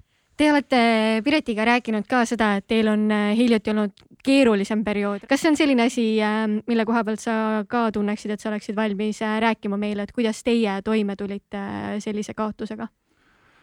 Äh, jah, no sellega jah, ütleme, on nagu raske on sellest rääkida, aga, aga ütleme nii, et äh, mis on jällegi võib-olla mm, sihuke optimistlik äh, suhtumine äh, ütleb mulle kogu aeg seda, et, et kõik halvad asjad elus on, on komad.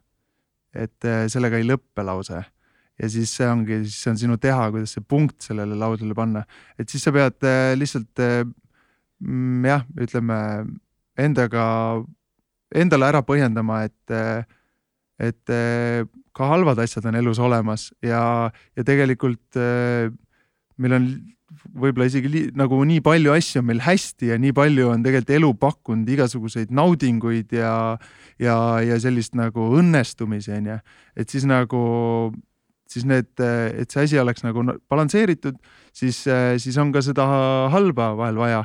Ja, ja, ja tuleb leida see õpetus sellest, et miks see halb siis oli sulle vajalik, miks see nagu, mis sa inimesena siis nagu nüüd teistmoodi teed ja, ja, ja kuidagi, ma ei tea, see on jah, tuleb leida, tuleb leida õpetus halvast mm..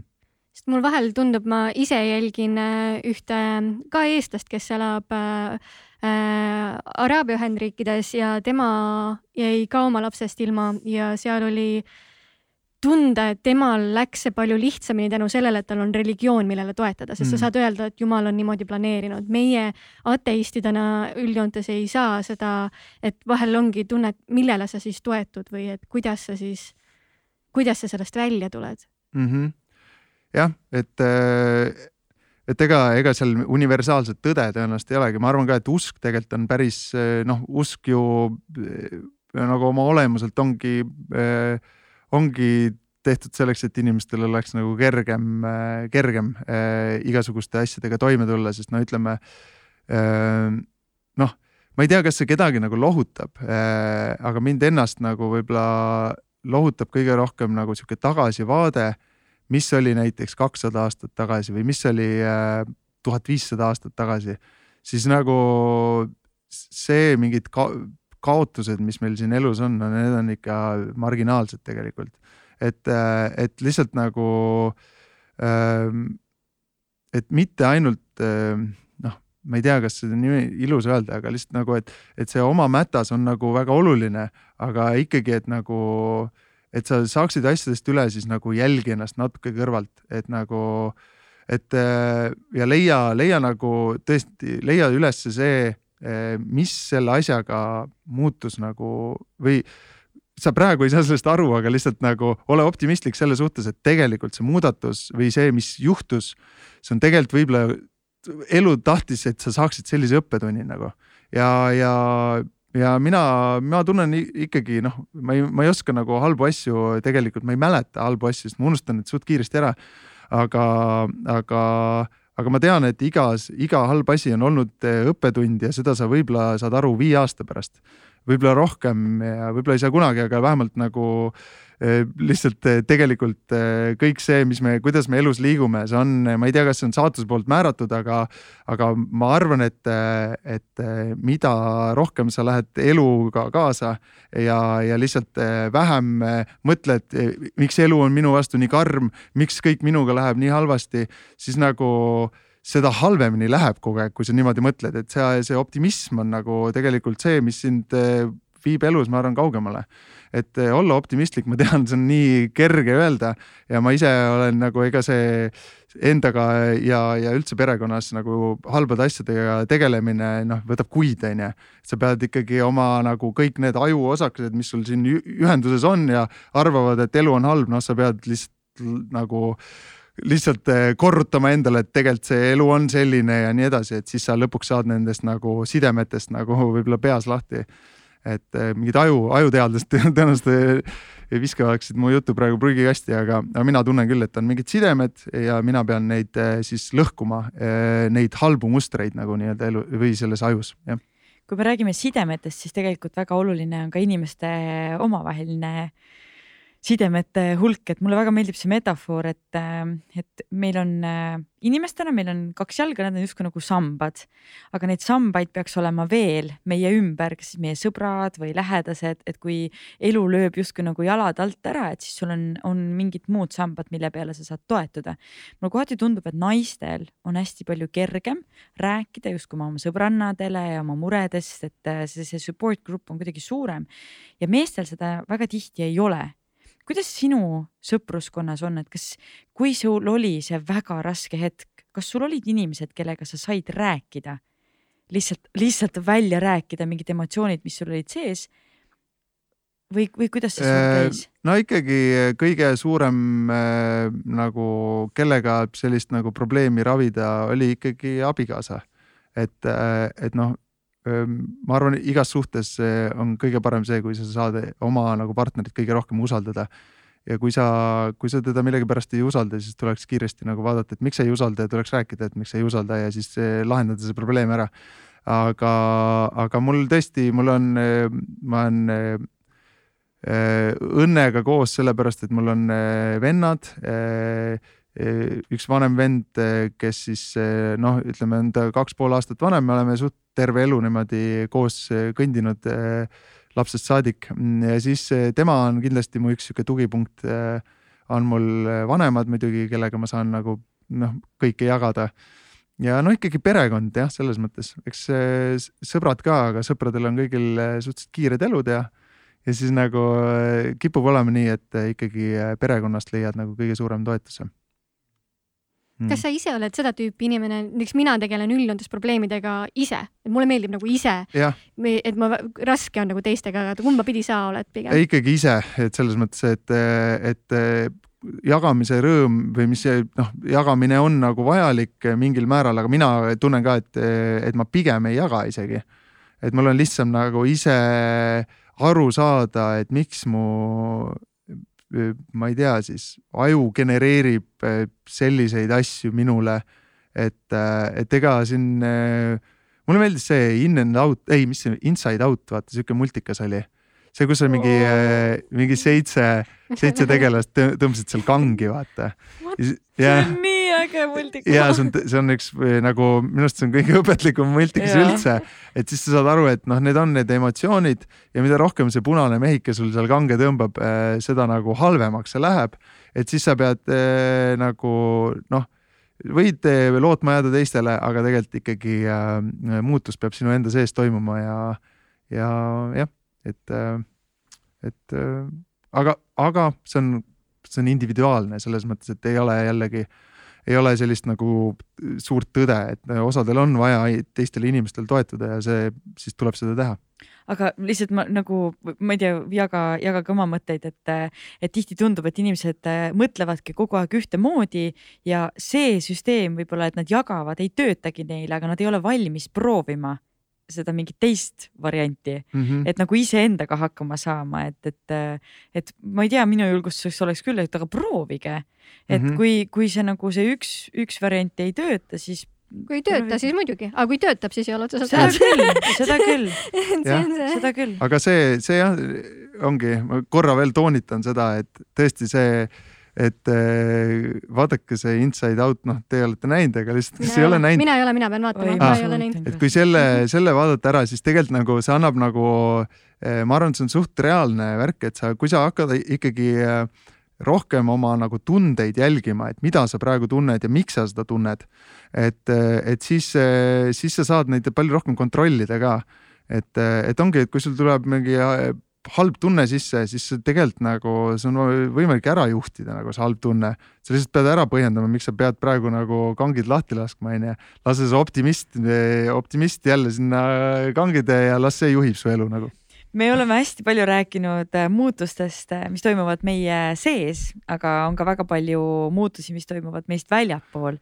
Äh, kui palju sina igapäevaselt mõtled sellele, et mis meie keskkonnas toimumas on hetkel?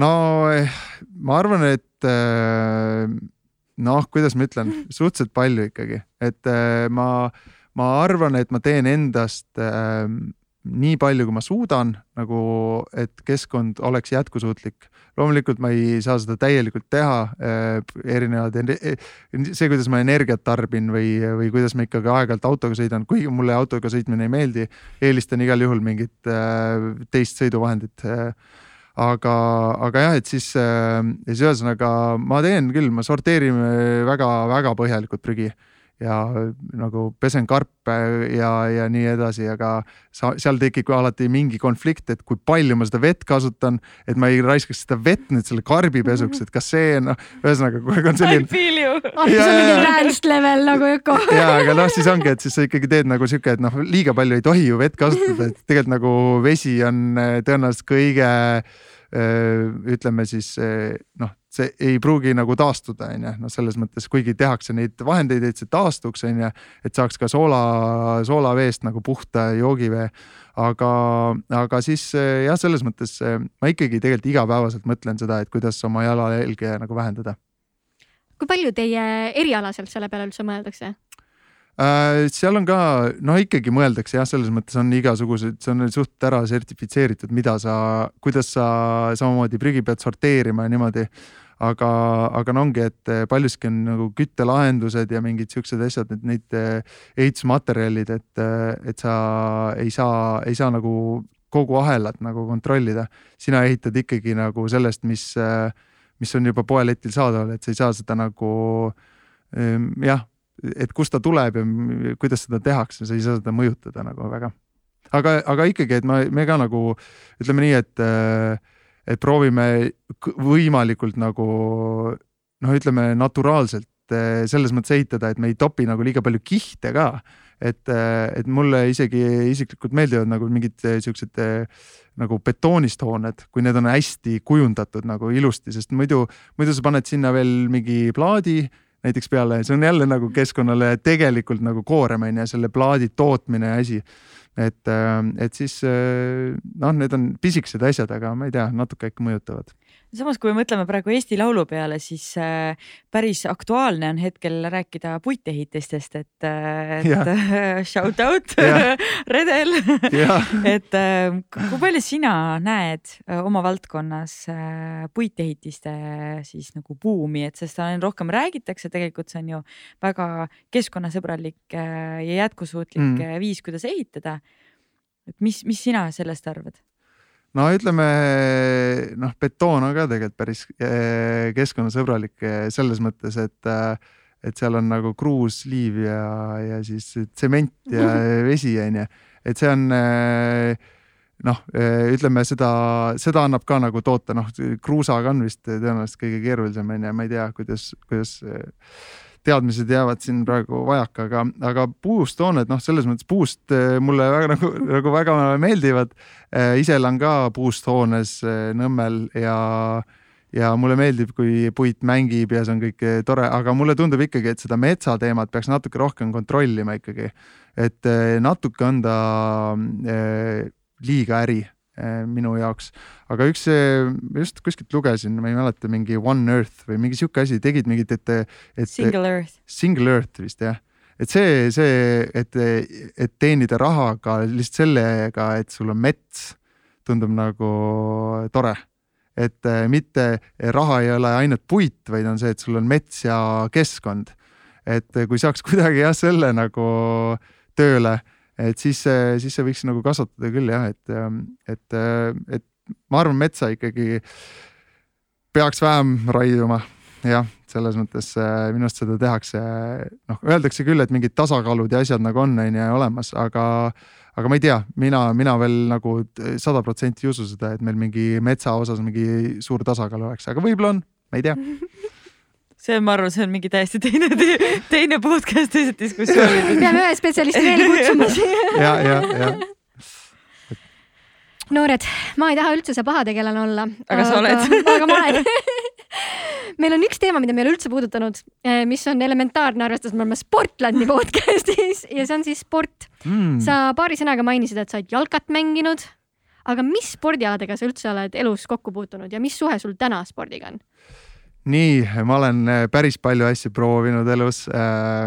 hakkame siis sealt äh, tagantpoolt tulema ja noh, jalgpall oli tõesti, seda mängisin üheksa aastat äh,. natukene. Floras ja käisin kõvasti ikka jalkatrennis, aga siis mul jah, sihuke, tundsin, et äh, mingi asjaga sa tunned ära, et tegelikult sa nagu ei saa maailma parimaks ja siis äh, võib-olla ei viitsi ja siis äh,, aga siis äh,, siis ma kooli ajal käisin ikkagi näiteks karates, siis mingi tantsutrennides, breik-tantsus olen käinud. Ja mingi noh, mingi paar aastat, pole tavaliselt rohkem äh, vastu pidanud kuskil, kuskil asjades, sest nagu mi, mul kaob nagu huvi ära, et muusika on põhimõtteliselt ainuke huvi, mis mul on jätkuvalt äh, olemas. aga, aga jah, siis äh, noh, nüüd ütleme praegusel ajal ma ikkagi, mulle meeldib joosta, eh, see on kõige nagu selline no jalutamine ja siis joosta. et, eh, et jalutamine on kõige parem, aga siis eh, ma tegelikult jällegi tunnetan oma füüsilist nagu olekut, ma arvan, ajas aina paremini.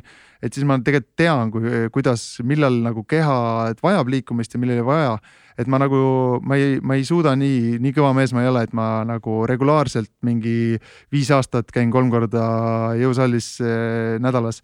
ma lihtsalt ei suuda niimoodi, et, äh, et ma pigem ikkagi siis, kui on nagu vaja, siis ma teen ja mis on kõige olulisem, on ikkagi jalutamine, jalutamine, siis ma tunnen, et ma olen nagu füüsiliselt okei okay.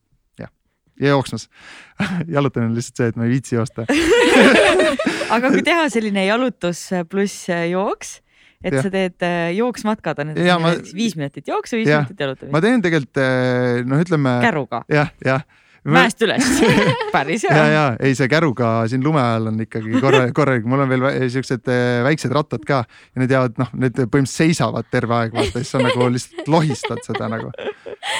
lükkad sahka niimoodi, aga, aga, aga tegelikult noh ütleme nii, et mulle meeldib hommikuti jooksmas käia, ma ei jookse mingi hästi palju, aga minu arust on olulisem see, et sa käiksid jooksmas versus see, et sa jooksid hästi palju. Et siis äh, minu kõige suurem ülesanne hommikul on see, et panna nagu riided selga ja kui ma, ma saan õues, mul on see õigus otsustada õues, kas ma jalutan või jooksen. see on nagu minu õigus ja, aga ma siis, kui ma juba õue olen läinud, selle ülesandega hakkama saanud, siis ma juba tavaliselt jooksen et äh, jooksmas ma käin, äh, nüüd pole nii palju jõudnud, aga no kord nädalas kindlasti käin jooksmas, aga jalutan ikka iga päev, ma ei tea, kaheksa tuhat, kümme tuhat sammu või midagi. väga äge. Et jah, ei ole nüüd kõige parem sportlane siin, aga, aga ma arvan. väga stabiilne. ma arvan ka, et see tegelikult on kõige olulisem spordi juures on ikkagi äh, äh, nagu Äh, mis on siis nagu jätkusuut-, noh jätkusuutlikult või mis jätkusuut-. järjepidevalt. järjepidevalt, järjepidevalt teha nagu kogu aeg ja teha niimoodi, et see ongi, et see effort ei oleks nagu selline, mis võib äh, kerge vaevaga maha kukkuda, nagu see pall nii-öelda, et äh, jah, väiksed, väiksed asjad, aga oluline on, et sa füüsiliselt tunneksid ennast hästi. no sa ütlesid, et sa oled paljusid asju proovinud. kas on mõni spordiala, mida sa tahaksid järgmisena proovida? äh, on spordialas, mulle näiteks meeldib väga surfata, aga seda ei saa teha, onju.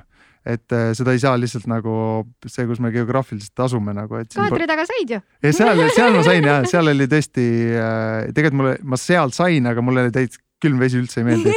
et kuigi ma olen kaks aastat mingi külmavee teema, temaatiliste mingi äh, nagu sissejuhatustega siin lugu esitlenud, siis mulle külm vesi üldse ei meeldi. nagu üldse mulle ei meeldi külm ka üldse nagu, sest külm on kõige kõva. mulle ei meeldi tuul. ja, ja, ja tõesti nagu tuul on see, mis mind tegelikult on äh, lihtsalt eluaeg häirinud. surfata?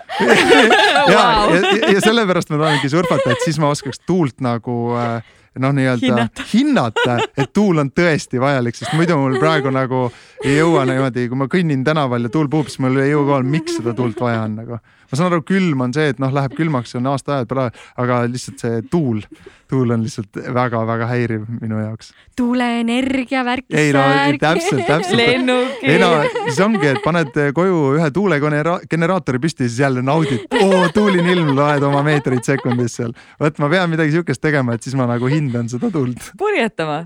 jah, purjetame, see ei, see, see, kaiti, kait surfi, see on, see on nagu selline, et oh, lohe lendab, vot see on, see võib-olla ka töötaks. me oleme tervelt mm. tund pool siin küsinud igasuguseid küsimusi wow.. kas me laseme Ossa. fännidel ka küsida? laseme fännidel küsida. nii. uhuhuu, mis ma siis võtan, okei okay,, ma võtan esimese, Karis võta teise, siis ma võtan kolmanda Davai, ähm,. okei, ma võtan sellise hästi praktilise küsimuse. mis on kiire elutempo kõrval lemmiktoit, lemmiktoit, mida valmistada? hmm.. lemmiktoit, see on, mina pean ütlema, et mina olen äh, väga vähe kokkan, nagu väga vähe, piinlikult vähe, aga mul on ka põhjus, sellepärast et mu naine on ülihea kokk ja siis äh, aga, aga ütleme nii, et äh, kui on väga kiire ja tahaksid midagi, et äh, täidaks, siis ikkagi vist, vist puder, jah, Mm. puder on sihuke mis puder äh, kaerahelbe puder ja siis paned mustikaid sisse mm.? ja siis paned veits mett ka peale ja siis võib-olla ka mandlilaastud. appi, mul on kõht tühi juba. ma ei ole ka pärast hommikut söönud ja meil läheb pikalt veel. Thanks, Egert, thanks. või kes, iganes selle fänni küsimuse ja ei, mul on, mul on, mul hakkas ka korisema, nii et aga eh, ma küsin siit kohe siis järgmise küsimuse. kes on su kõige suurem konkurent Eesti Laulul? äh, konkurente jah, ütleme ikkagi, ma olen jätkuvalt seda tunnen, et see on selline väike laulufestival, kuhu rahvas tuleb kokku ei, ja ei, me tahame on sissejuhatus.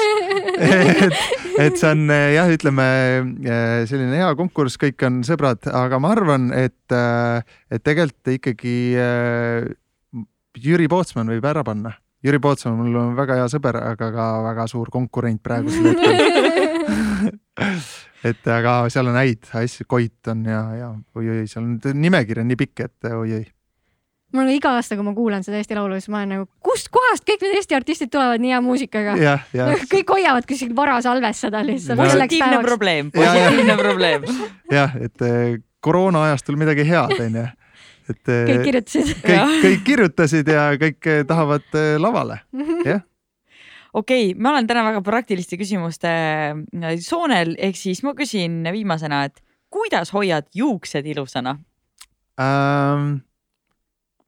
Käia juuksuris regulaarselt äh, ja siis äh, mina ausalt öeldes äh, lõikasin kunagi, ma ei tea, kümme aastat tagasi sellise soengu, et siis ma ei olegi eriti äh, pidanud vaevaks seda muutma, sest see on hästi mugav äh,. ja, ja siis äh, ausalt öeldes, ega ma ei teegi midagi oma juustega, lihtsalt pesen neid aeg-ajalt aga nad lihtsalt niisama seisavad niimoodi kenasti sul, ei pane mingit asja sinna ei.? Okei veits panin. nii, kelle juures juuksuris käid ja mida sa sinna panid? ja, ja Sabine Merts on minu juuksur ja, ja siit Veerenni seal, Veerenn, seal, no kus on nüüd see, mis seal on, Bolt või? ei, mitte Bolti maja. Transferwise.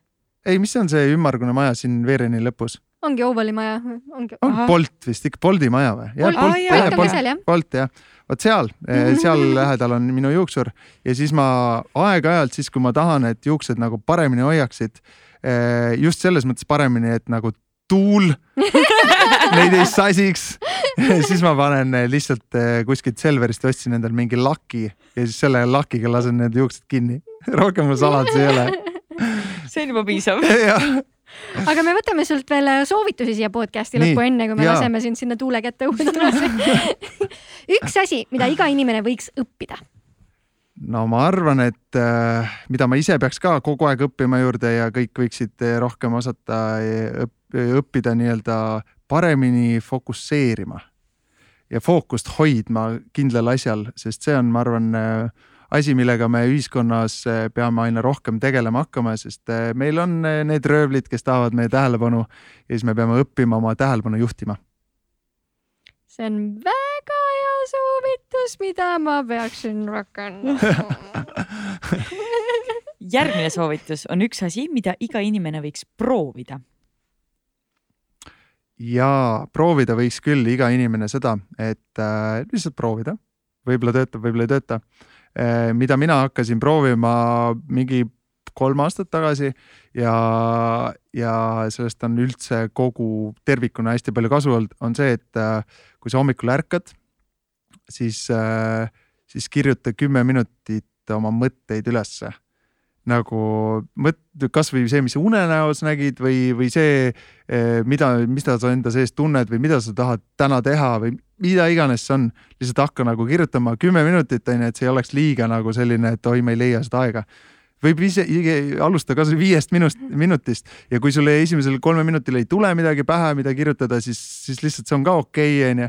ja, ja minul hakkas ikkagi niimoodi, et kui ma iga päev nagu tegin, siis kümnendal päeval oli ikka sihuke, et oi-oi-oi, ma tahan nüüd seda kirjutada, seda ja ma, ma nagu ärkasin juba põnevusega ülesse.